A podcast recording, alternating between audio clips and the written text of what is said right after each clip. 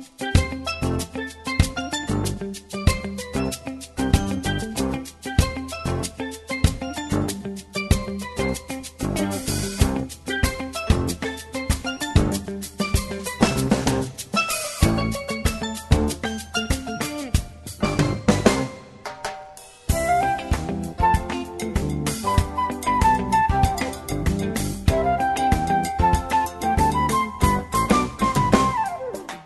velkommen til Bildjelongt.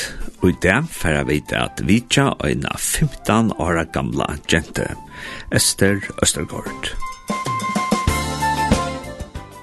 Velkommen til sendingsna. Og i dag får jeg vite at Vitja 15 år gamle Esther Østergaard, som gonger av Djurslands efterskåle. Vi tverra med landa og høyra om hva hon helter om a genga innom kristnonskola, motveis øynon vanligon skola. Klendans ui sendinskner øysni et stutt intervju vi skolaløyaren William Emsen.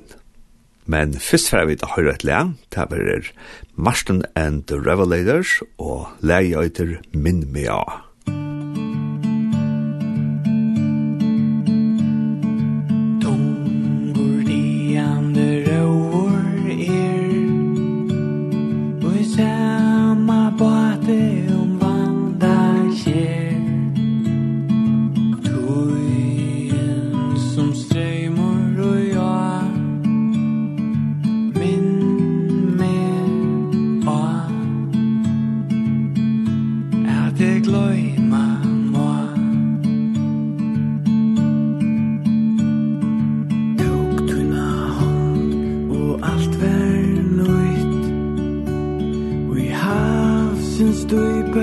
var slutch vær.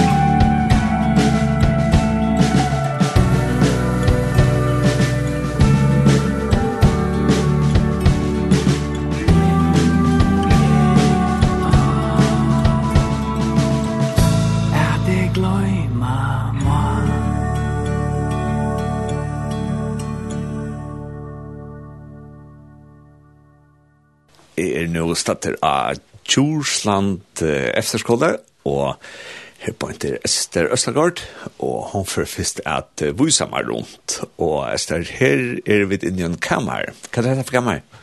Um, hette kammer kommer og min uh, roommate uh, Emilie. Uh, så det her er Bigve. Og her er hun litt øydevar som plantene selv og alt dette som er pyntet vi og sånt. Altså det er ting som vi har kjøpt til dømes ljøs og så luften og så. Det er sånn vi har kjøpt sammen, og så er hun til ikke noen ting vi, og jeg til ikke noen plakater vi, og sånn. Så det er sånn en blanding av ting. Så, ja. Ja, og så får vi det gjenka sinte rundt i bygningsnavn, og vi får det jo enda veien. Og hette så, altså til her som uh, jenter bygva, eh? Ja, så det er største uh, bygningen, uh, jentebygningen, og det er også jenter som ikke. Så her er fredagsrummet. Uh, det her man kan henge ut og bare så chilla og snakke.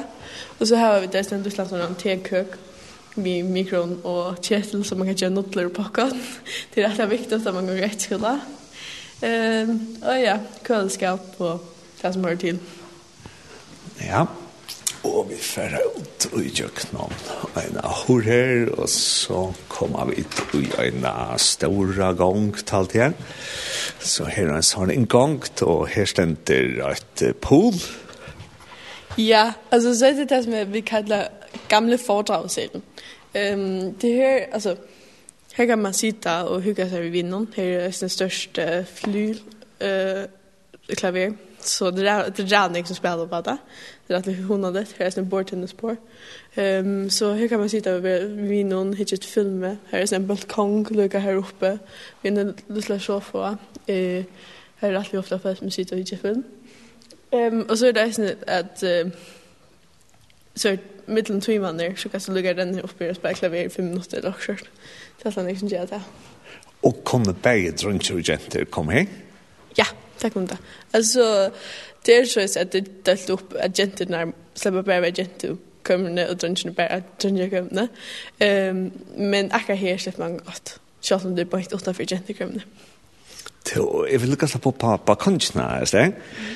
Tui at jeg spurte det om åkt, da vi kommer til ikke, Anklik Svevik. Til her ser man, hva sier han, her ser man ut av kjekkene, eh?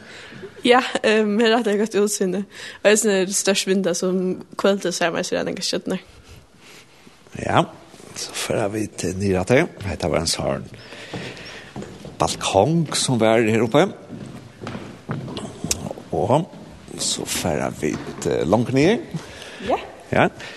Så vi för en hatt ner og her er sånne små bor som man sikkert kan sitte vi. Mm. Og det er en steip og i så tar en sånn om glasskap her.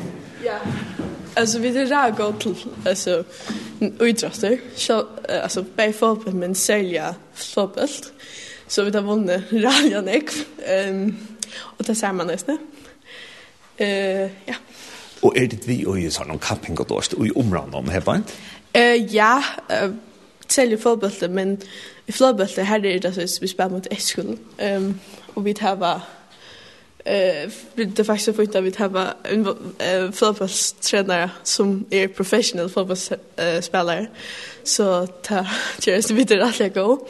Eh och vi har faktiskt akkurat nu för en man som vunnit vid eh Østjyllands mestre. Så nu skal vi til Danmarks mesterskab. Så det er jo cool. Okay. Og så færer vi inn her, og her er her stender undervisning her blant. Ja, så her er jo øhm, klasselokalene. Øhm, her inne har mult klasselokalen. Øh, ikke enn i nødvendig A. Um, så det her jeg har nesten alle temaene. Jeg har ikke utrettet denne eller eh støttfrøye, og jeg har eldre geografi og fysikk eh till undersö. Men här har vi alltså där var ni tema som söv och dans på så.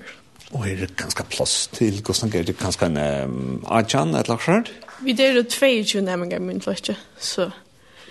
Och är en film under vi är med gånger eskola till er att um, om kvällen så går det släpper in så det är så ofta man sätter sig in här i en film så kan man bruka alltså kanoner uppe så där blir stor skutje till att Nice. Ja, og så får jeg vidt. Vi er til eh, akkurat som er på Vetsen her, og her eh, får jeg vidt i Vrendagen, ja, er var akkurat en tøyerlinja om, eh, eh, ja, akkurat her, og så er en høttleg, og her er det noen som spiller langt, hva er det for høttleg? Eh ja, så är det utåt Hetland. Det här vi tar var utåt att himla nej. Ehm och som sagt nu är det drunchen en gång vi spelar fotboll. Eh det är fotboll sen. Ehm och ja, det är så skulden gånger rally högt upp i fotboll. Så det till nästan allt som händer Hetland inte. Ehm så här är det ett litet fitnessrum här inne eh så man kan inte så sist sort. Eh och ja, alltså man kan spela allt möjligt till det. Det är inte bara fotboll, spela i snö floorball och alltså handboll och fotboll och basketboll och göra allt möjligt med filmläge och allt möjligt. Så Och jag heter Östen Oppion kvalitet så att man bara kan färra showen. Eh ja, det är ju alltid uppe. Alltså det söndags vi gent vi skulle sång. Eh men det är onkel du att det är stock men så kan man alltid bara ringa till läraren och be att läsa upp. Og skal man spille flopalt for jeg vet ikke som skulle ha? Nei, det skal man ikke. Men de fleste velger å gjøre det. Det er, altså, selv om du ikke skår til det, så er det rallyen gjør det enn sosialt til nesten alle Eh, Jeg har vært spille flopalt i begynnelsen av noen. Ehm det är så snick longer. Eh till att jag har varit lite annan välfärd. Ehm men det var så mega stort självt om jag var inte god till det. Eh och det är så bara så det är något annat att det är samma vi följt som du hur timmar som var vi och så att du kan skänka till uja samma vi tar man och bara att det skicks socialt. Ja. Og så er vi kommet til enden av Hesenbygningsen, da? Ja, Hesenbygningsen, altså, det er en jentebygninger, særlig, og så er det, altså, stover og sånt. Um, og jentebygningen tar dalt opp i en så heter det en 3, så er det en 8 og en 2, og så er det en little bygning som er sender. Så, ja. Ja, og det er nok snakk vinter, og det er det som vi får faktisk stekka i midtelen, Eh och kvampikning för vi det kan give till nu. Nu var det högspikning som det här som man brukar mest altså alltså åttan tal i skolan.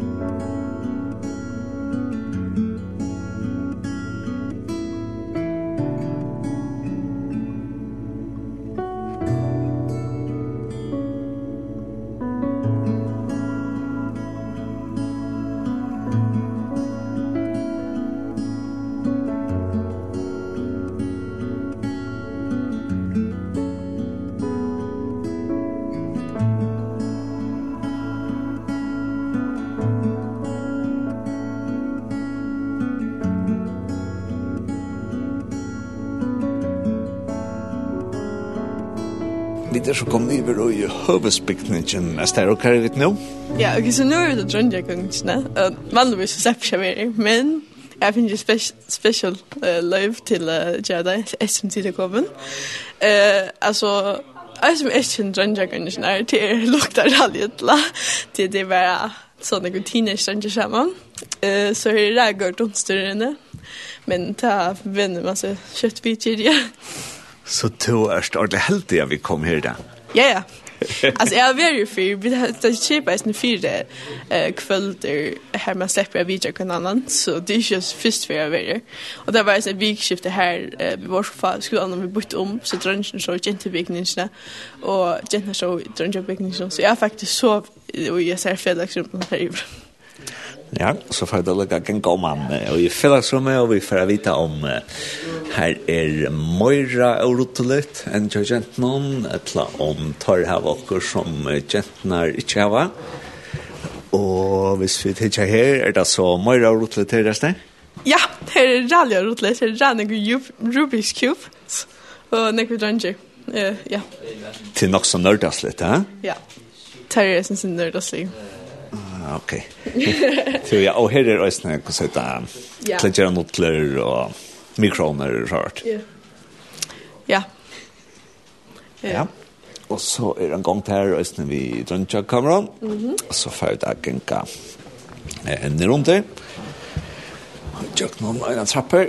Og så kommer vi til, eh ja, akkurat som gångerna og, og en mätarsal. Mm Og hvis vi færre til vinstreria, så er lærere av stavan, og her er en mynd av klomp lærere om, og ja, og jeg vanlig en skole, skolelærest her, her slipper nemgar ikke inn i lærerstavan, men hva ser dere i skolan? Det er nok et av det som jeg var sin størst sjokk om, det er at man kan alltid få in og her er är og størst störsbord så man kan alltid sitte där inne och inte spela bordspel eller bare sitte og snakke, eller så här ja. Eh selv om lärare sitter där inne og gjør arbeid, och kan sitte og snakke med læreren, så det er, det er sånn annerledes, men det var så cool. Alla fett. Och det är det då om kvällarna och vikeskiftet är det så alltid om lärare som arbetar. Här är alltid minimum en lärare. Eh det är som oftast alltid för men om natten tar en lärare här är en lärarkammare som är på inte river ehm som ja är förbundet vi lärarstolarna så här svävar en lärare och i så fall och skulle hänt eller bara för att jag säkert Ja, og så får vi det at genka inn i den store møtersjalen. Og på en jeg kom, så var det kaffe, og her stand det så forskjellige bibelvers og piver i horne, at den vei du befaler vil jeg løpe, for du har gjort mitt hjerte fritt. Salmer 122, 32, sender ut noen annen vers. Så er det så rom, heter det så ikke med deg Ja, det er en pastor av Matasjan. Vi kallar det för dagligstuen. Eh, här är soffor och här är sådana tjovar som man kan spela Playstation och så. Och det är ofta här man sitter och hänger ut och om det är när. De flesta brukar mest tvinna här nere till det här folk är då. Eh, kanske inte näkt nu till folk är till välsag. Eh, men det är så hyggligt att sitta det och det är liksom telva nu i lötterna så det är ofta man ser och sitter och spelar skak. Ehm, så ja. Yeah. Ja, og her er så et bortennis, og her er sjåfer, og her er fotball, og så far vi inn i tannen store eh, metarsjellen, og her henker en rikve av krusson, er det så øtlema, så dekna krus? Eh, ja, det er sånn om kveld etter klokka natta, så sønner jeg til køkken, så vi går ikke fer ut eh, etter en glase, og man drekker rævne kaffe, tar man til kongre skola, til man ikke fer så Rannigason. Så eh vi ja, man vet inte där hänger så vi där just där vi där att ha ett kryss som hungrig. Drack du kaffe Arne du kom i skolan. Ja, då drack jag kaffe latte, men nu dricker jag svart kaffe till att jag funderar alltid det som ska till. Fint. Og er denne gangen vi skulle her, vi får inn i køkken. Og her kan ganger nemgar. Ja, altså det er sånn, tog först att med kökenvakt. Ehm och er att så ska du hjelpe till det jag med eh du kan få av dem morgenen så du kan hjelpe till med jag sort alltså dövra med att och morgonmätter og sånt. Og du kan få en kväll så kan jag få till att göra ehm nattra och ja, kaffe och sånt. Hur så ofta är man köksvakt? Eh det är så cirka ska cirka 15 om året. Eh så näkar vi köpt någon näkar vi daglig dag. Ja. Ja, vi får ikke forstå at det är för vi att rotaxla och vattna dräcka alt det. Og ja, her er Øysten, jeg sett her en sånn skjermer til å vise oppførsbjør, det er Øysten sånne tiltøk og sånn din. Ja, det er ofte, det er Øysten veldig ofte så snu, Nu har gått nok eh, fotbollsler enda, men ta det veldig rannig og fotbollsler søgnasene, ta har vi det som slipper suttje, det er med en bit av døver og sånt. Um, og det er Øysten, hvis det er okkurst, onkel lusingar la och kost vi där snämt ihåg till filmer inne till ja gott plats till det. Ja, og er det noe annet i Hesson Høsbygningsnål som vi skal syke? Um, ja, her er, altså i Høsbygningsnål, her er sånn strangesalene, eh, som vi var av først eh, på begynne. Um, her er trutje strangesaler, eh, tans vi var til, til syd, eller, ja, Eh och så är en fjär att jag som är norr och så är som ett undergång. Ehm och så inne här här är det som kallas för multicell eller vi det kallar det för mulan till vi brukar att lägga släng. Och det ligger som här inne vi hava alltså samlingar och andakt och lovsångskvöld och ja, bibeltimmar och allt möjligt. Hetta lutst kanska listen til ein arsana kyrkje etla, frukyrkje etla, skjort, ha? Ja, det gjør det. Og som sommerdagen så har det en kyrkje nere. Og så en av mannen så er det så sett, her er en kyrkje i bygdene som ligger rett etter skolen. Uh, til kommer så nyan, en av mannen, så har vi kyrkje sammen med dem. Ok, ja, her er det flott, og her er en målninger, Eh, ja, og oppvarpe og jaus og jæv og alt mulig. Eh, ja, og så var det enden av Hesebygdnysnene, og hva er vi sånn jo? Nå er ferdig til nødvendig kreativt verste, det er her da jeg rally av å bruke mine tid. Eh, jeg er ikke kreativ, så det er etter min yngligste.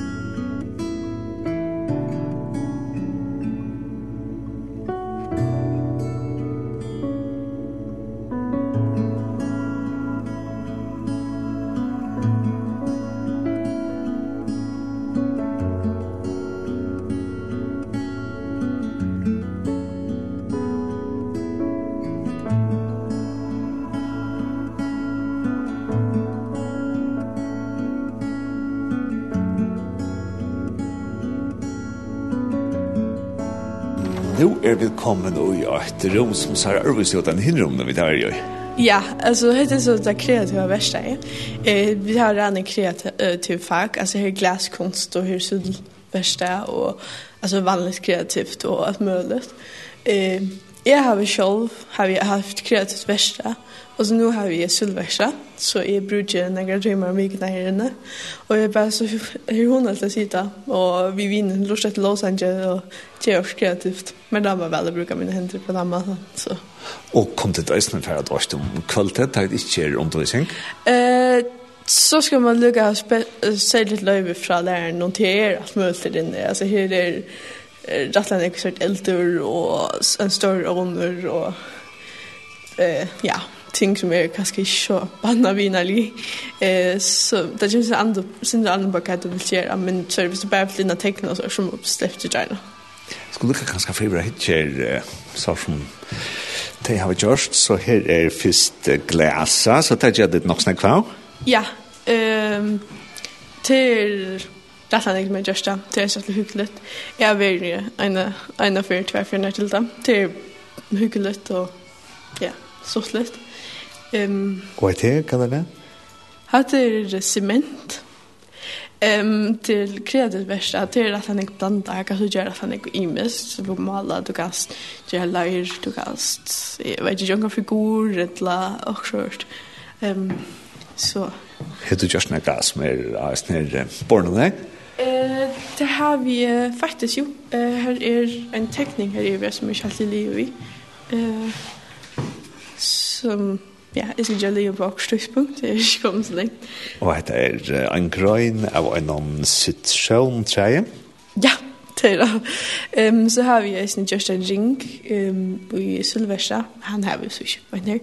Um, som ja, jeg har brukt länge tid på. Men det er, det er stort litt sidopilla vi sånne ting da, med damer där där.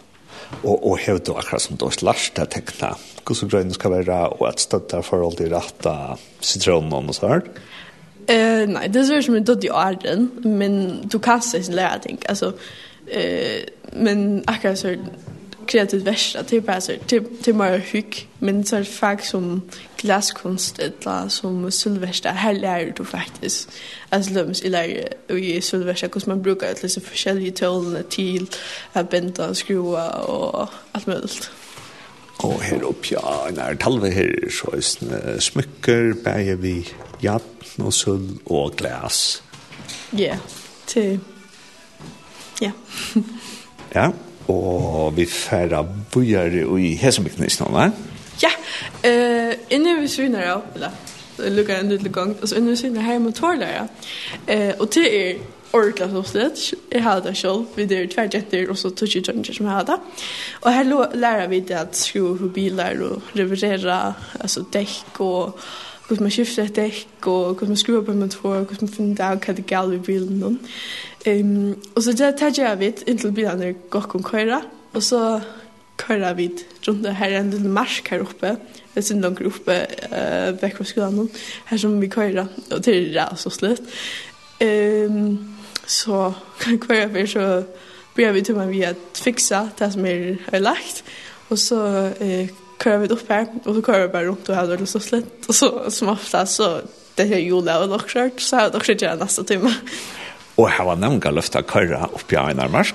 Eh ja, skolan skolen finnes eh løyve fra politien eh til at gjøre det, så foreldrene skulle bare skrive under eh for sikkerhet skilt. Så, så kjøper skolen sånn gamle brukte biler som ikke er så god stand, så setter man enda i bedre stand. Og det er noen som har til dem skoter, eller fyrre hjulstrekker, eller akkurat selv vi hjemme fra som der så fiksa. Hva du du bra, Karsten Bilarfe? Ja, det har vi. Var det sånn? ta mega så slut. Eh sälja typ vatten han är så jävla ojanor. Här är det av stichen som vi kallar för väskepaddel som bara för upp och ner upp och ner alla dina. Eh så man hoppar där runt i vinden. Eh men det är så så cool att man lär att köra så man lär kustera alltså när du ska skifta gir och när du ska bremsa och det är att alla forskjelliga pedalerna och så. Og som jeg sier så var det nok snakk vinter men tar vi ikke i det, så var det kvar kajakker, og var det kvar sykler. Er det så som til dødsbruket? Ja, altså sykler til noe som er ikke i Danmark, rett og slett. Man sykler til alt. Alltså, hvis du ska man i byxorna eller hvis du ska man sånt så cyklar man nästan. Eh och det syns att i början gör någon så ehm för man nästan en cykeltur vid sin platsch. Um, är då så svävar tvärnätter. Og så kan jeg ikke så hørt, vi har bare noen uteløs um, velfag, uh, her to, min landa her er kajak velfag, eh, som for noen blir oppe at det nå, det er så svært i Vestenon, og her er en sånn rannig sort, her klatring, og her er en sånn bare, en linje i vildmagen er en sånn velfag, her rannig, forskjellige velfag til rannig av forskjellige typer. Og, og skal man så ha en egen da man kommer inn? Ja, det skal man. Ehm jag fick så köpte en sykkel i Danmark, det där synte riktigt transporterat där från färjan. Eh och så släppte jag bara ha en hängande ner. Så bruker jeg då, det du vill. Ja, och vart noe annet i hälsovittnes när vi skulle? Nej, jag at det var allt. Och nästa bygning vi färdig. Det er en bygning som vi kallar för Skåhytten. Eh, här er ett rom som vi brukt till danser och drama, men som også vi brukt till e-sporter. Og så er et lyderom som de bruker til foto. Og, og så er musikk, uh, lokaler og et studio i stedet.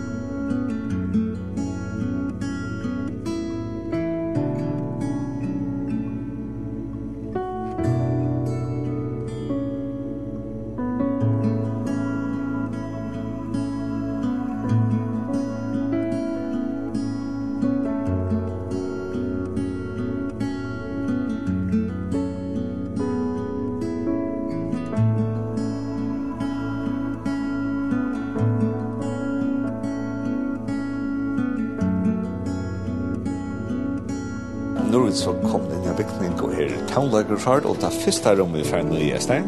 Ja, altså det her er danser og drama og hørt. Det er det er det gamle danser det kaller, men det er så blir just om så man kan spela teltspel.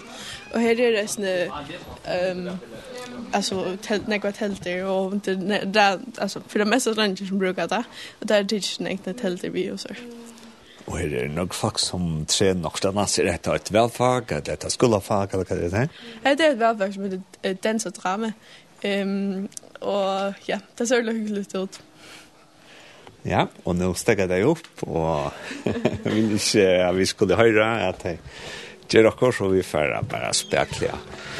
Och där og her er eh townløker, har jeg vet. Ja. Så lagar som ikke i denne skolen drar jeg ikke, for det er så vil jeg en flåbølter, men det er ikke særlig at Ehm... Um, Det er sånn at hvert år så gjør vi en musical som vi akkurat gjør nå for en av vik siden, så har vi vært med en musical til det. Og det er bare rævn musikalsk skole, her er rævn ikke låsanger, og er alltid unger spiller klaver unger sannes. Um, og jeg har selv som jeg som blir lærer bass, og her er kor, og her er et mulig slag om, altså her er jazz, og her er samspil, og her er altså solundervisning, og alt mulig slag. Og man kan ikke selv, altså her er det studio som vi har, det her kan man ikke selv opptakke sanger. Her er det noe som har lagt noe som død ut fra skolen. Hva var det for musical som du framførte? Ja.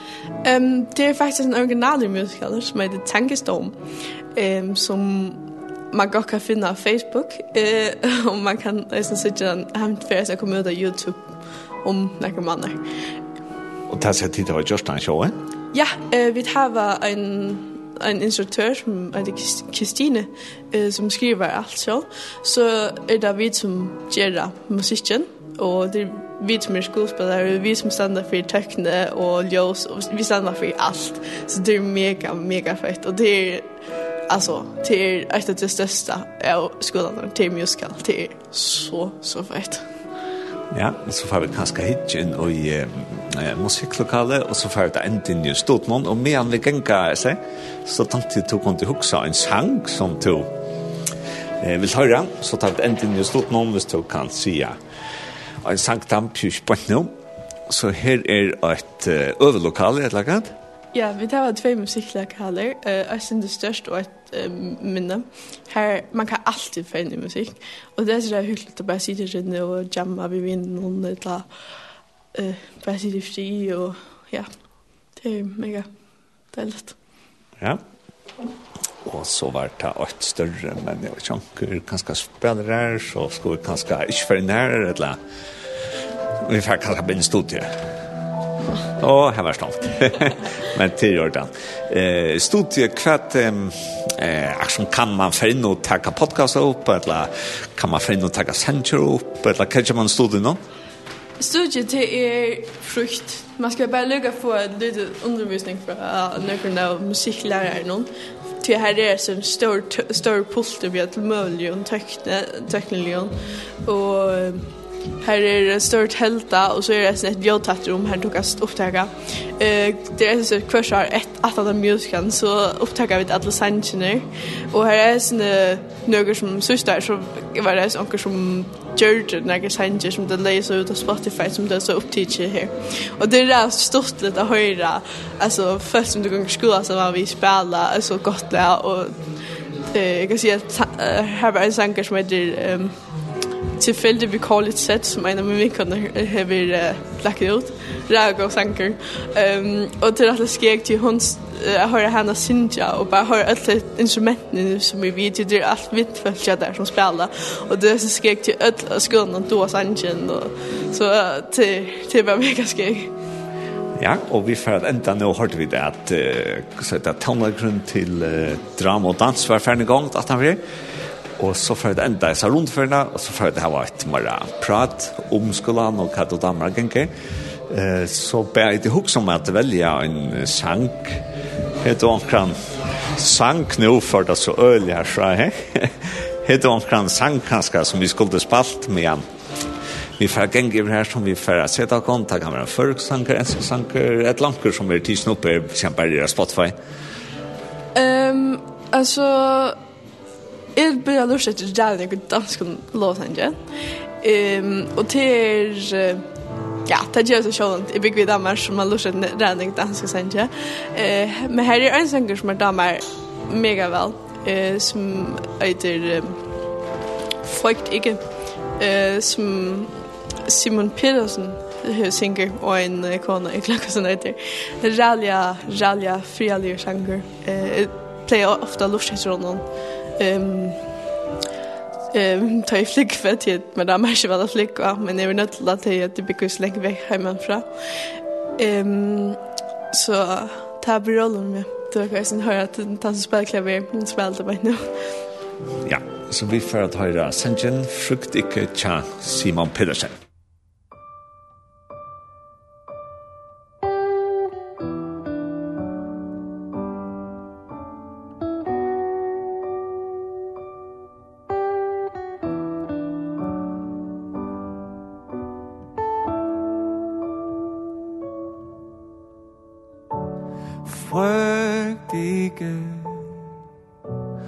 angsten gå bort.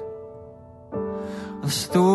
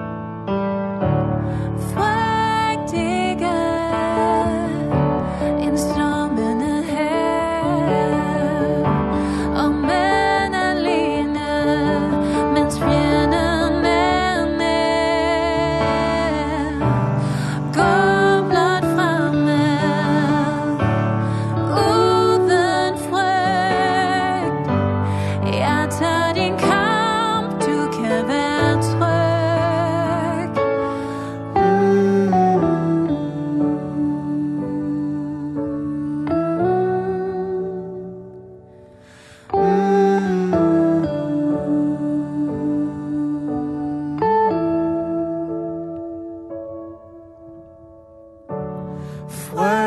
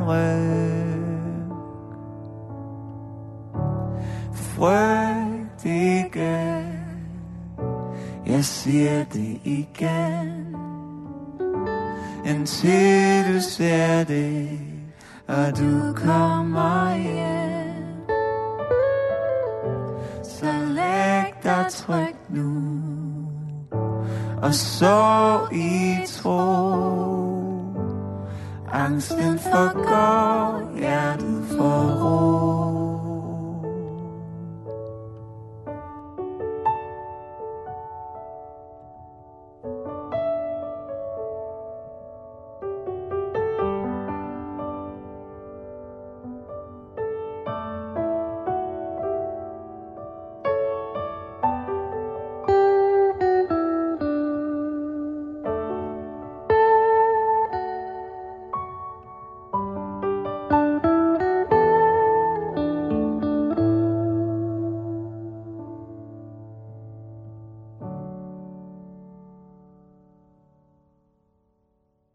vid hørte Sanchen Frukt ikke, tja Simon Pedersen, og det var Esther Østergaard som har valgt han.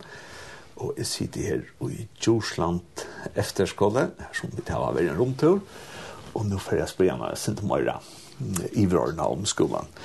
Hvis vi tar en sånn vanlig an det, Esther, hva er, er programpunkten i en vanlig an det igjen? Ja, ok, så morgenmøter er 20 minutter til kvart til tjej.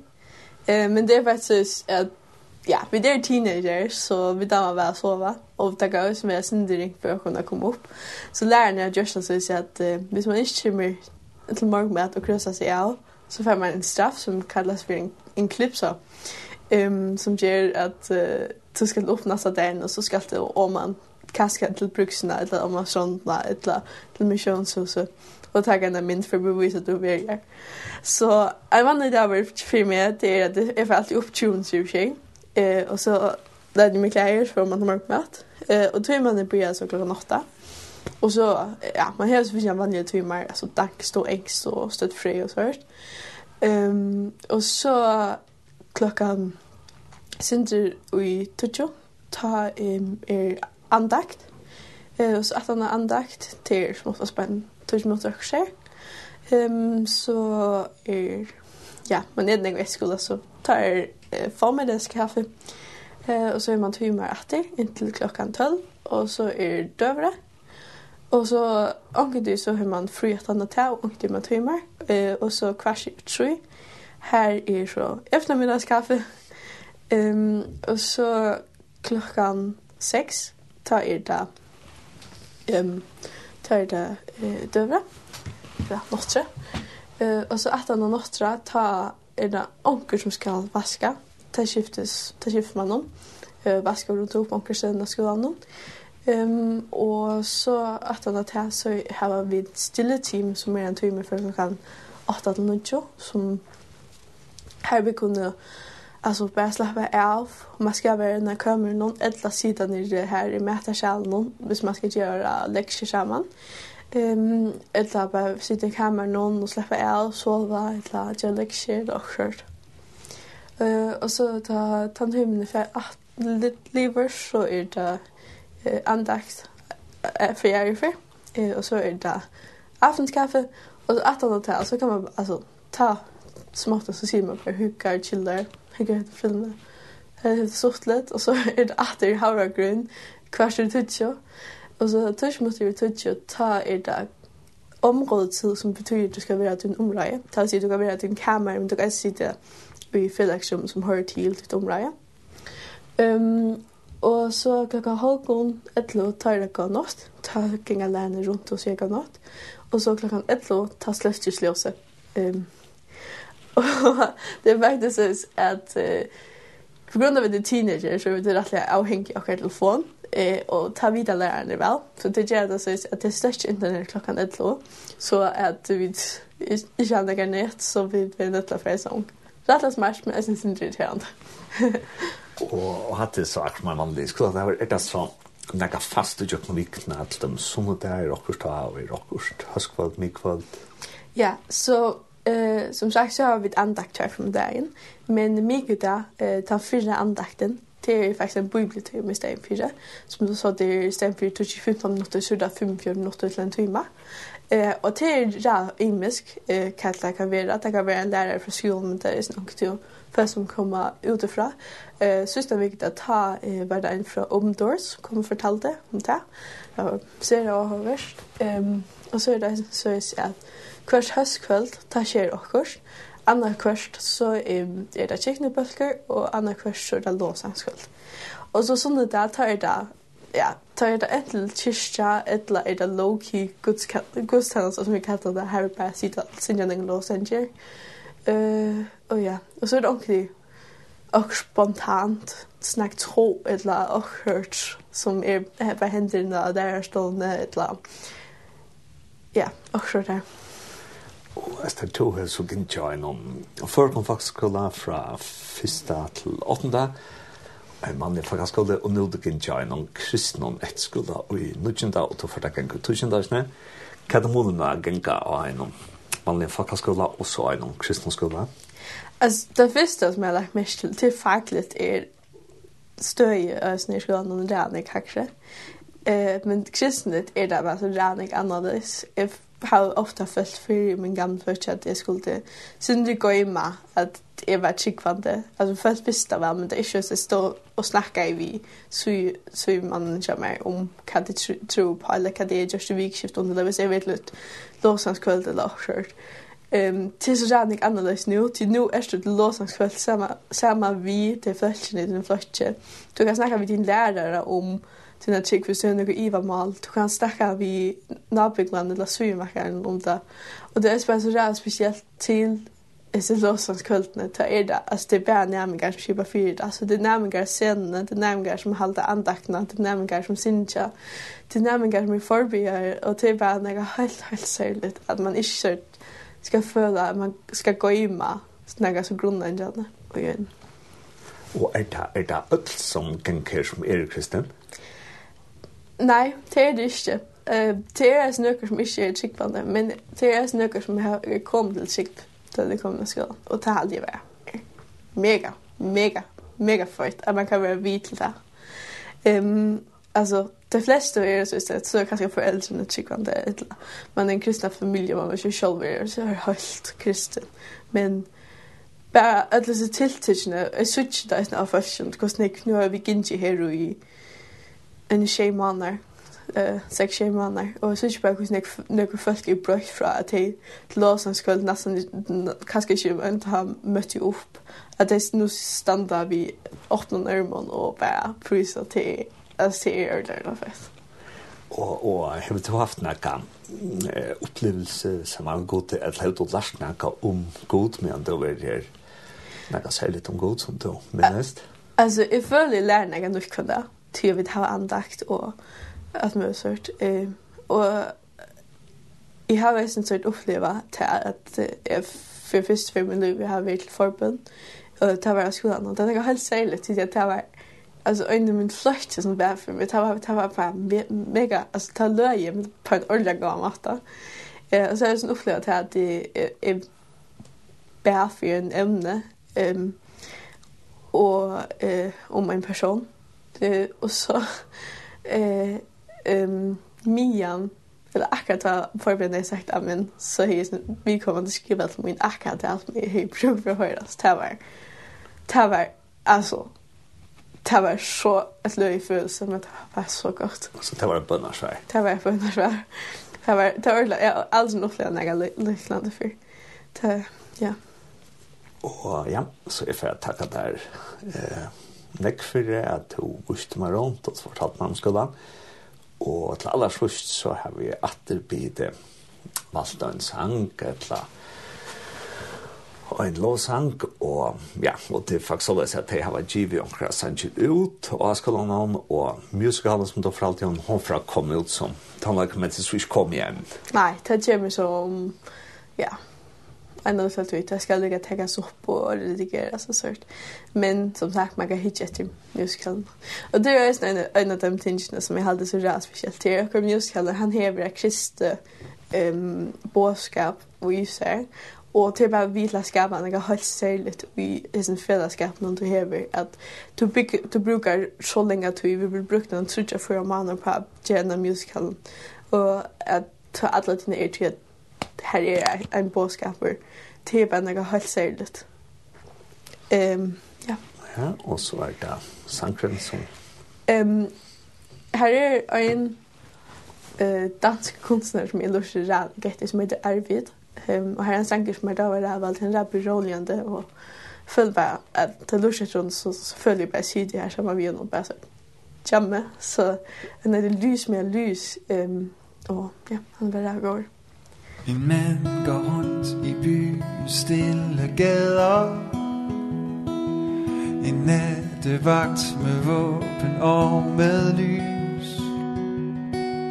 Han frygter ikke dunkle gemme steder Hver time brummer han på selve vers. Om Gud og konge, fædre, land og minder fra den gang han var ung og verden ny. Hans stille sang velsigner mænd og kvinder Og kalder på beskyttelse for by.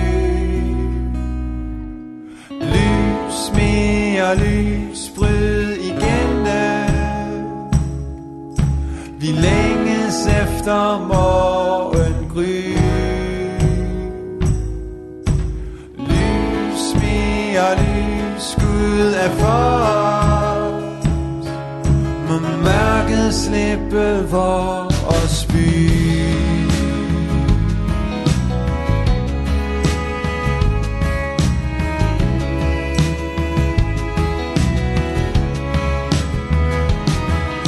Og byen sover trygt for ingen fjende Kan gøre os vægteren er klar. Hans våben er et lys, en morgenstjerne Han frygter intet, våger være en far.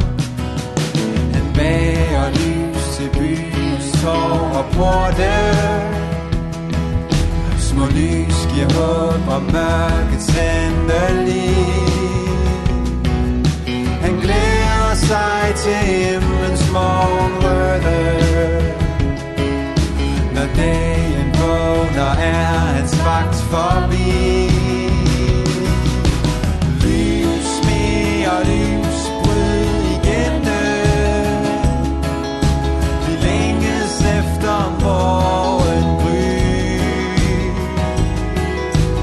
Lys med lys Gud er for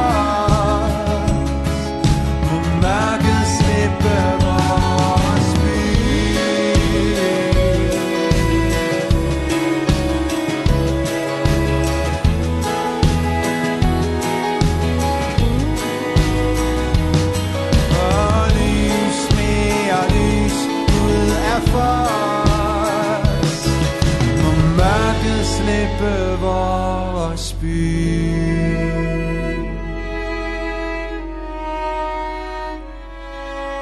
Jesus, du er solen fra Guds rige. Vi længes efter, at du bryder fra.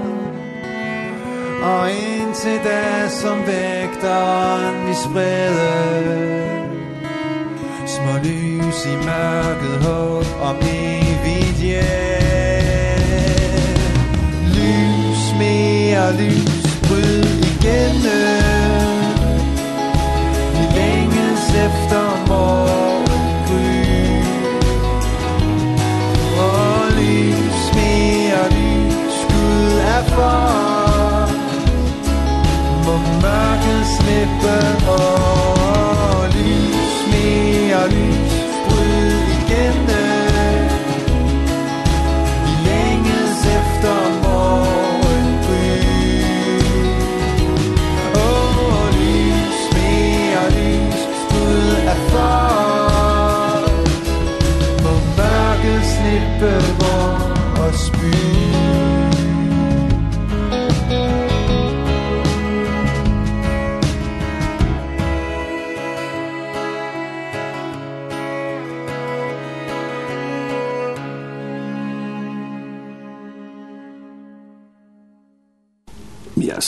på Djuslands efterskole, og jeg er kommet inn på forstanderens, forstanderens kontor.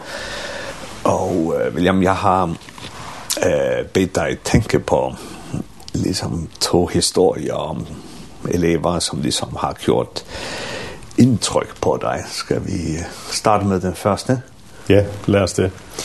Jamen den øh, den første historie, det er en øh, det er en dreng som er et missionærbarn. Og hans forældre har, øh, har været i Afrika i en, øh, i en række år, hvor han så egentlig har haft øh, store dele af sin barndom dernede. Altså, han er født i Danmark, men så, så tager forældrene øh, til Afrika og er der som, øh, som missionær øh, og, og bygger et, øh, er også med til at bygge et hospital op. Ehm og den her dreng han øh, han har det rigtig godt i Afrika, øh, men hans øh, hans danskkundskaber, de øh, de de viser sig at være at, være, at blive forholdsvis mangelfuld. Han bliver rigtig god til engelsk. Men, øh, men, men han, han, han får simpelthen nogle udfordringer i sin, øh, i sin skolegang.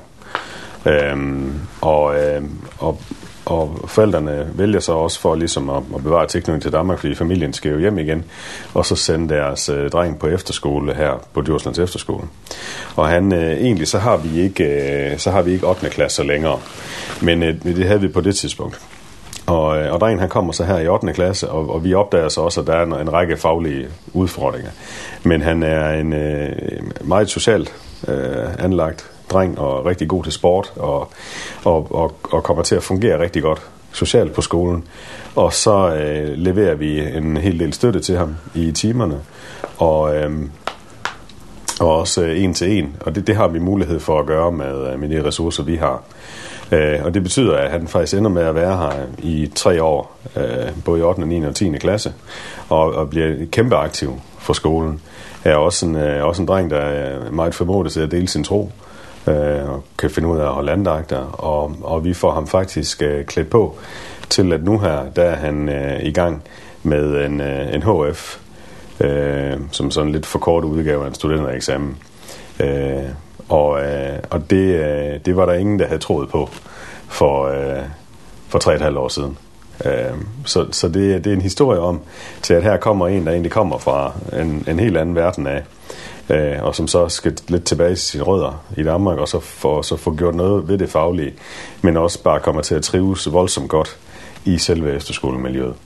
Så ham havde jeg lyst til at at fortælle om, og jeg jeg stødte lige på ham øh, inde i Aarhus, da vi var på øh, der var på musical-turné her i sidste uge, hvor han jo bare stråler og har det rigtig godt. Og, og han skal i øvrigt være leder på vores konfirmandkursus her til sommer, hvor, øh, hvor han så kommer igen og betaler tilbage til, øh, til skolen.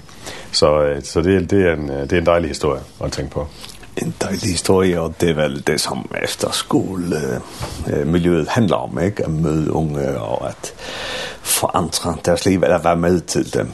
Hvis vi så tager øh, Djurslands efterskole, ligger et smukt sted, øh, og Esther har fortalt ligesom om detaljer og dagligdagen. Hvis vi tager ligesom det store formål, hvad er det store formål med Djurslands efterskole? Ja, yeah.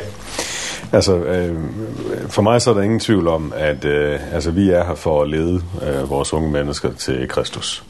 Øh, og det er skolens helt overordnede formål. Øh, og så kan man sige, ud over det, så er vi jo en skole. Altså, hvis vi ikke bedrev god skole med et øh, højt fagligt niveau, øh, og en stor grad af seriøsitet omkring det, jamen så ville vi heller ikke være her. Så så vi står på de her to ben med at have et et meget klart værdigrundlag og vi vi skammer os ikke over at fortælle at vi er en kristen skole og det er det vi kommer til at præge de unge mennesker med hvis man kommer her. Så Djurs F-skole, det er et trygt sted at sende sine børn hen, hvis man gerne vil have dem til at gå på en skole, der er meget tydelig omkring sit øh, evangelisk-lutherske kristne ståsted. Og, øh, og jeg er meget tydelig omkring det, når jeg har undervisninger, øh, og også når jeg er sådan jeg er rundt i missionshuset og fortæller eller øh, eller når vi når vi har forældre på besøg her på skolen, jamen jeg vil hellere Altså jeg vil hellere jeg vil ikke jeg vil ikke have at der er nogen der kommer og så lige pludselig finder ud af at hov øh, her bliver fader vor bedt højt øh, sammen og at vi har morgenandagt og vi har aftenandagt og at der er voksne mennesker som gerne vil tale tro. Øh, og at at det er en det er en fuldstændig indgået del af hverdagen her på skolen og vi øh, og vi opfordrer også de unge til at indgå i bønsfællesskaber og vi har bibelstudiegruppe hver 14. dag og lovsang hver 14. dag som sådan som er sådan på skift. Så ehm så fordi det skal man ikke blive overrasket over når man kommer her. Det det det bliver meget tydeligt omkring. Så det er det er derfor vi er her. Det er at, at hjælpe de unge til at kunne leve et liv i uh, i nærheden af Jesus og klæde dem på til det så har jeg også en vision om at de unge jeg, der kommer her, dem vil jeg gerne dem vil jeg gerne støtte til også at kunne tage et ansvar, når det er sådan, at de så ikke går her på F-skolen længere. Fordi når vi går på F-skole, så laver vi lidt en kunstig verden. Det er lidt et kunstig fællesskab her, hvor man, hvor man er lidt i en beskyttet boble. Ehm og, og og jeg er optaget af at åbne skolen op det er der så vi har besøgstjenester og den slags ting og, og at at man ikke man ikke kun er her på skolen. Men men når man kommer fra øh, efterskolen så skal man jo tilbage til sin øh, til sin hverdag der hvordan så er. Og der er det vigtigt for mig at at mine elever de er klædt på til også at tage et ansvar i ungdomsforeninger, i kristelig forbund for studerende. Ehm måske endda også sørge for at de har lært noget omkring teknik, sådan så de de føler at de kan noget når de kommer ud. Og jeg kører selv nogle ledelsesforløb med, med eleverne, hvor jeg prøver at klæde dem på til, at jamen det at tage et ansvar ind i øh, det kristne arbejde, det skal man det skal man kunne gøre, så man er langtidsholdbar. Jeg har desværre set alt for mange unge mennesker komme brændende øh, ud og øh, og så så arbejder de løs og de optænder den hellige ild og så brænder de ud øh, ret hurtigt. Og, og, og, og, og i den forbindelse, så kan man også se dem vende sig væk fra Gud. Og det synes jeg er en kæmpe stor sorg, så jeg gør alt, hvad jeg overhovedet kan for dem, jeg kan se, især dem, jeg kan se et stort talent i, at jeg prøver at klæde dem på til, at de bliver, at de bliver langtidsholdbare, at de kan fuldføre løbet. Så det er jeg meget optaget af. Nu siger du, at et af de store formål er at være en kristen skole. Og det er ingen hemmelighed, at vi lever i en verden, som er meget sekulariseret, så vi er ikke så mange kristne, som vi var for 40 år siden. Mm. Øh, tænker du måske, at, at, øh, at de kristne børn og unge, vi har i dag, at de måske har brug for et sted, hvor, hvor liksom, de kan komme i et kristent miljø for at bevare deres tro, eller Altså, det, det, det synes jeg er et virkelig godt spørgsmål, og det er noget, jeg har tænkt rigtig meget over, fordi det er heller ikke det er jo ikke de kristnes opgave bare at, at, at, at placere sig i enklaver og grupperinger og så ikke ud og være verdenssalt. Ehm men men jeg tror at der er et behov for en lang række unge at prøve at komme hen og være et sted hvor normalen det er at være kristen. Især i de her formative år, hvor man er øh, 14, 15, 16, 17 år. Ehm og der tror jeg det jeg tror ikke det er alle unge der skal gå på Djursland Efterskolen. Men hvis man øh, hvis man er et ung menneske som egentlig gerne vil være et sted hvor man hvor man egentlig måske i sin opvækst hidtil har oplevet at være lidt øh, øh, være den der var kristen og så var der ikke så mange andre af dem, så kan det være en en lise for sjælen at komme et sted hvor man er den der er som de fleste er. Og det kan og det kan være enormt opbyggende i forhold til så at komme hen et sted igen efterfølgende hvor man så står forholdsvis uh, alene efter det. Og, og der synes jeg, at Djursens Efterskolen har sin berettigelse, også fordi vi har en vision om ikke, ikke kun at gøre det godt, mens, mens de er her, men at vi vil godt, vi vil godt række fremad. Øh, sådan set, at de er klædt godt på.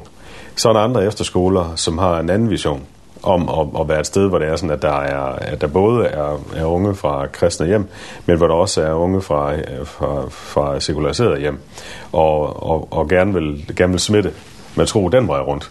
Og det har jeg den dybeste respekt for. Men, men det, det, jeg ser ikke Djursens efterskole øh, der med den opgave.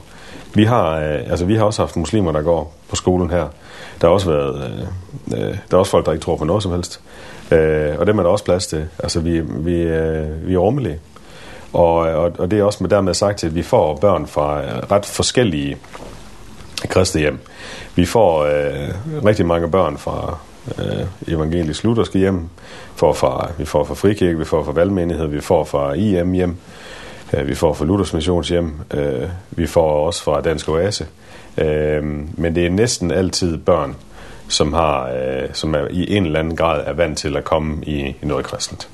Men det er jo lidt en smeltedel af forskellige sammenhæng her, fordi vi ikke har et øh, fordi vores vores bagland er ikke voldsomt stort. Ehm det er en ehm øh, som, som vi får fra mange forskellige sammenhænge af.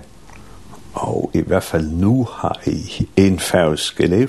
Ja. Eh, og hvis nu der er nogle forældre, som måske sidder på færøerne, ikke?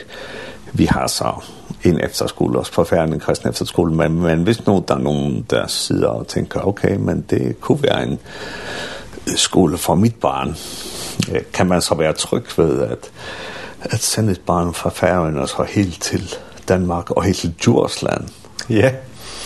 Ja, altså det ligger øh, ja, nu ved jeg ikke hvor hvor hvor familiære de lyttere de er med med dansk geografi. Ehm men men vi ligger lidt uden for landslovret. Ehm men men vi har jo fælles busser der kører til og fra skolen på alle forlængede weekender og alle ferier, så det vil sige der kan man i hvert fald øh komme øh, både til en Øh, altså både til, til de større byer, der ligger i, op igennem hele Jylland og også nordpå i Jylland. Så, så, øh, så den, den ordning er vi glade for. Altså, øh, de færinger, der gennem tiden har gået på Djursens Efterskole, de har alle sammen givet udtryk for, at det var trygt og øh, at sende sit barn herned. Men det er en stor beslutning at sende sit barn meget langt væk. Ehm og, øh, og, jeg, jeg vil meget gerne være med til at tale med øh, forældre, som godt kunne tænke sig at få deres barn på Djursens F-skole fra færgerne af, fordi det tror jeg kunne være rigtig godt, både for skolen, og så også for de færøske børn, der så vil, øh, der så vil komme hertil. Eh og vi er gode til og øh, vi er gode til at tage hånd om vores elever. Vi har en, en meget høj fastholdelsesrate på, øh, på skolen her. Eh vi holder på næsten alle vores elever igennem hele skoleåret det er det er godt på på virkelig mange måder og det øh, ja nu det kan godt være jeg må prale lidt, men men jeg jeg kender ikke andre F-skoler der er så gode til som vi er. Og det er fordi vi vi bruger øh, rigtig mange ressourcer på øh, på trivsels- og omsorgsarbejdet. Og det er helt naturligt, når det er sådan, at der kommer elever til fra et sted, der ligger fjern væk, jamen så gør vi jo en ekstra indsats der. Og øhm, så, så, så der prøver vi at, øh, at være tæt på dem og rundt om dem. Øh, så øh, men det er klart, det vil også være underligt, hvis jeg ikke synes, at det kunne være trygt. men, men, men, men min opfordring skal egentlig bare være til at, at prøve os af. Eh, fordi jeg vil meget gerne have, jeg vil meget gerne have færøske elever. Det, øh, det har været en stor glæde at have, at have den elev, vi har nu her i år, og, og som også skal være her til næste år. Så der må, der må meget gerne komme mange flere. Ja, og det er så Esther, som jeg har snakket med tidligere i udsendelsen, og hun har fortalt om dagligdagen på skolen og om ugedagene og så nogle ting, der sker gennem året, for eksempel om musical. Men der var et, som hun sagde til mig, at hun havde glemt, det var, at man også kommer ud og rejse. Kan du lige fortælle lidt om? Ja, det kan jeg gøre ganske hurtigt. Vi, øh, Vi tager på en øh, fælles tur sammen hele skolen, og det er den årlige skitur, og den går som regel til Hafjell i Norge. Øh, det er et virkelig godt sted, for, som har øh, rigtig meget for, øh, for begyndere, men det har også, det har også et, et stort område for folk, der, øh, der er dygtige til at stå på ski. Og, og hvert år så lærer vi, øh, så lærer vi omkring øh, ja, 70-80 elever og simpelthen at stå på ski. Og vi tager øh, hele medarbejderflokken med derop, og så står vi selv for undervisningen, fordi alle medarbejdere øh, kan finde ud af at undervise i, øh, i ski på forskellige niveauer. Så, så det, det, er en, det er en fantastisk fællesskabstur, vi har der på vores, på vores årlige skitur. Øh, og hvor man faktisk, øh, hvis man har en, en lille smule flere, for kropslighed og så videre, jamen så går man faktisk på de dage, vi er der i Hafjell, så går man fra at være totalt begynder og så faktisk til at kan køre ned af de stejleste pister. Eh, det er ikke alle, der, der kommer dertil. Det kommer også an på ens mod, helt generelt. Eh, men, men man når at få lært at stå på ski. Eh, når vi så, øh, vi, vi har også en anden udlandstur, og den tager vi på øh, omkring øh, i slutningen af september, starten af oktober. Og der deler vi faktisk øh, årgangene op, Så øh, så vores 9. klasse, de tager på en tur til en øh, til en større by et sted i Europa. Og øh, de sidste øh, de sidste to år, der har vi været i Tjekkiet, været oppe i bjergene på noget adventure deroppe, og så har vi så været et par dage i Prag. Fantastisk by. Ehm øh, til at slutte til at slutte turen af. Vi er ved at planlægge en ny øh, tur til det til det kommende skoleår, og den ved vi ikke helt hvordan går hen endnu. Ehm Vores 10. klasse, dem deler vi op i to. Vi har to uh, spor i 10. klasse. Et sportti, som tager til Italien på en sporttur dernede.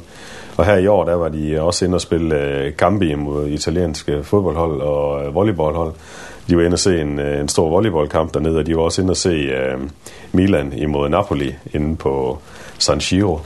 Eh så det var en stor oplevelse for dem. Ehm og har en masse sportsfællesskab der. Og så vores uh, Go 10 de tager til Israel på en fantastisk tur dernede. Vi har en, en, nogle lærere, som har, som har boet i Israel, og som, som er vant til at, at komme i Israel og lede rejser dernede til. Så, så de får en fantastisk tur til Israel, og man bruger også en del af skoleåret på at bygge op til, til den tur. Og det der med at, at sidde og holde andagt øh, i Gethsemane have og stå ved, stå ved gravkirken og at gå i Jesu fodspor dernede, det er en, det er en stærk oplevelse for vores, for vores elever. Så den er, vi også, den er vi også meget stolte af. Så har jeg et forslag til dig. Du sagde, I vidste ikke helt, hvor I skulle rejse næste år, og forslaget er færøerne. ja, men det var da en strålende idé. Det, det, ja, det kan godt ske. Men, det tror jeg lige, vil, det vil jeg lige se at arbejde lidt på. Men min øh, udfordring er, at man kan ikke køre bus til færgerne. Nej, det bliver lidt svært. Der er en færge fra, øh, hvor er det nu der? Er det Hirtshals? Hirtshals, ja. ja. Nå, men, øh, men øh, ja, øh, selvom du har forklaret geografien, så skal jeg gøre det lidt tydeligere for færinger. Så Djursland, det er Djursland sommerland, det, kom, det kender mange færinger.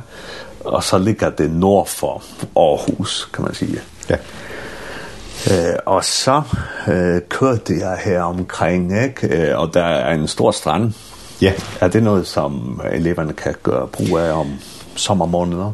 Ja, det er det, er det i allerhøjeste grad. Det er, vi, jamen, altså, vi synes jo selv, at vi er en af Danmarks smukkest beliggende efterskoler. Ehm og, og vi har lige en, en lille kilometer ned til vandet og fra fra flere dele af skolen kan man faktisk kigge ud over vandet, øh, fordi vi ligger vi ligger faktisk 27 meter over over vandet her øh, på skolen, så det vil sige vi har øh, rigtig flot udsigt fra store dele af skolen af. Og øh, eleverne bruger stranden rigtig meget i øh, i de gode måneder. Det er en af Danmarks bedste sandstrande. Ehm og den er ret lavbundet, øh, så det er også det er også meget trygt og øh, hvis man ikke er så vant til vand og komme der ned. Ehm og vi har også Danmarks bedste ishus. Det ligger her i Fjellerup. Og Fjellerup er jo lidt en spøjs by, fordi den den har ikke voldsomt mange indbyggere om om vinteren. Der er der måske 400 mennesker der bor her fast. Ehm til gengæld så svulmer den til 12.000 mennesker i sommermånederne. Så det er en rigtig turistby. Og det betyder også at Fjellerup den har lidt mere en en landsby af den størrelse den normalt vil have, både fordi den har turisterne og også fordi den har efterskolen. Så der er en der er en helt særlig stemning herude i, uh, i sommermånederne. Så, så der, der i især april, maj, juni, hvor, vi sådan, hvor skoleåret kulminerer, hvor det er sådan fællesskabet, det når sit, uh, sit senit, jamen der er det, der, der er det virkelig, virkelig dejligt at være her. Og så uh, når vi starter op i august, september måned, der er det også virkelig dejligt at være her. Så, så vi har de her to meget vigtige dele af skoleåret, hvor, hvor vi virkelig bliver hjulpet af at, at have stranden og have, og have fornemmelsen af, af sommerlandet tæt på. Ja, og så øh, bad jeg dig om at tænke på øh, den næste historie med en elev, som vi så afslutter med. Ja, det er en, øh, det er en elev, som, øh, som egentlig har lagt grunden for et, øh, et samarbejde, som vi er begyndt at, øh, at arbejde i med, med en af de store kirker inde i Aarhus. Og øh, det, er en, det er en kirke, kristenskirken i Aarhus, som har et, et meget stort, vidt forgrenet netværk ud i sit sogn. Det er et af Danmarks største sovner med 15.000 indbyggere. Ehm jeg har selv siddet i menighedsrådet derinde i, i gamle dage faktisk. Ehm og, og de laver et stort socialt stykke arbejde. Og, og den elev, som kom her, han, han, han, er, har, hans, han, er, ved, han ved ikke, hvem sin, sin far er. Ehm og, og en mor, som er enormt sød, men, men også har haft sine kampe i livet. Og Peter, han er mørk i huden. Ehm og, ehm og, og kommer her til skolen e, egentlig i, igennem, at han har været øh, på sommerlejr med, med den her kirke, og, og hører så om F-skolen her, og kommer så herud, og, øh, og får øh, et par rigtig gode år her på efterskolen, hvor han også... Øh, hvor han bliver dannet, og han, øh, og han øh, øh, skal også rettes til en gang imellem. Øh, men det gør vi også på en ordentlig måde.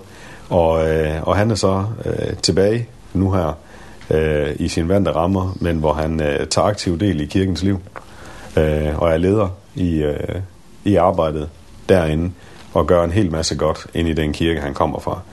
Og det har faktisk inspireret os til at, øh, til at lave et, et, et samarbejde med Kristenskirken og, øh, omkring og, og få nogle af de her børn, som kirken finder og oplever, jamen her, at de kommer i kirken.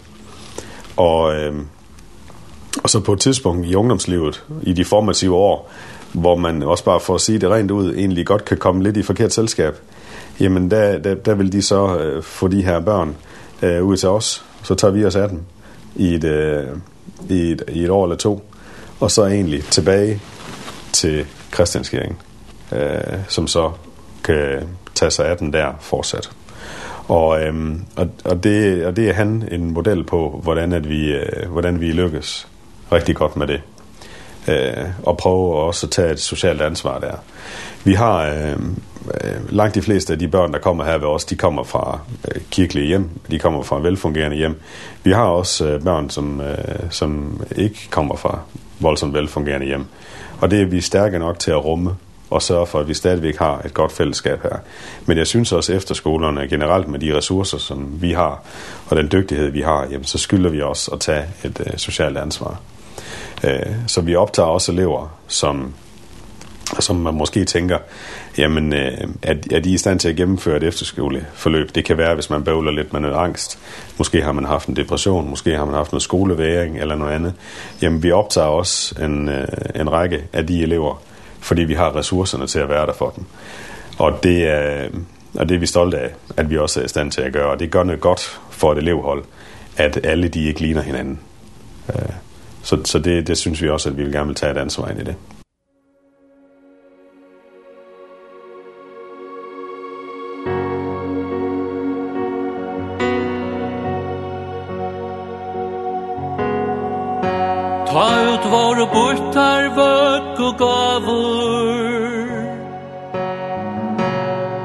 Okur vi kjerta lutse sa Torstryk vi kjerte honom kavurnar Og skaparen honom gauga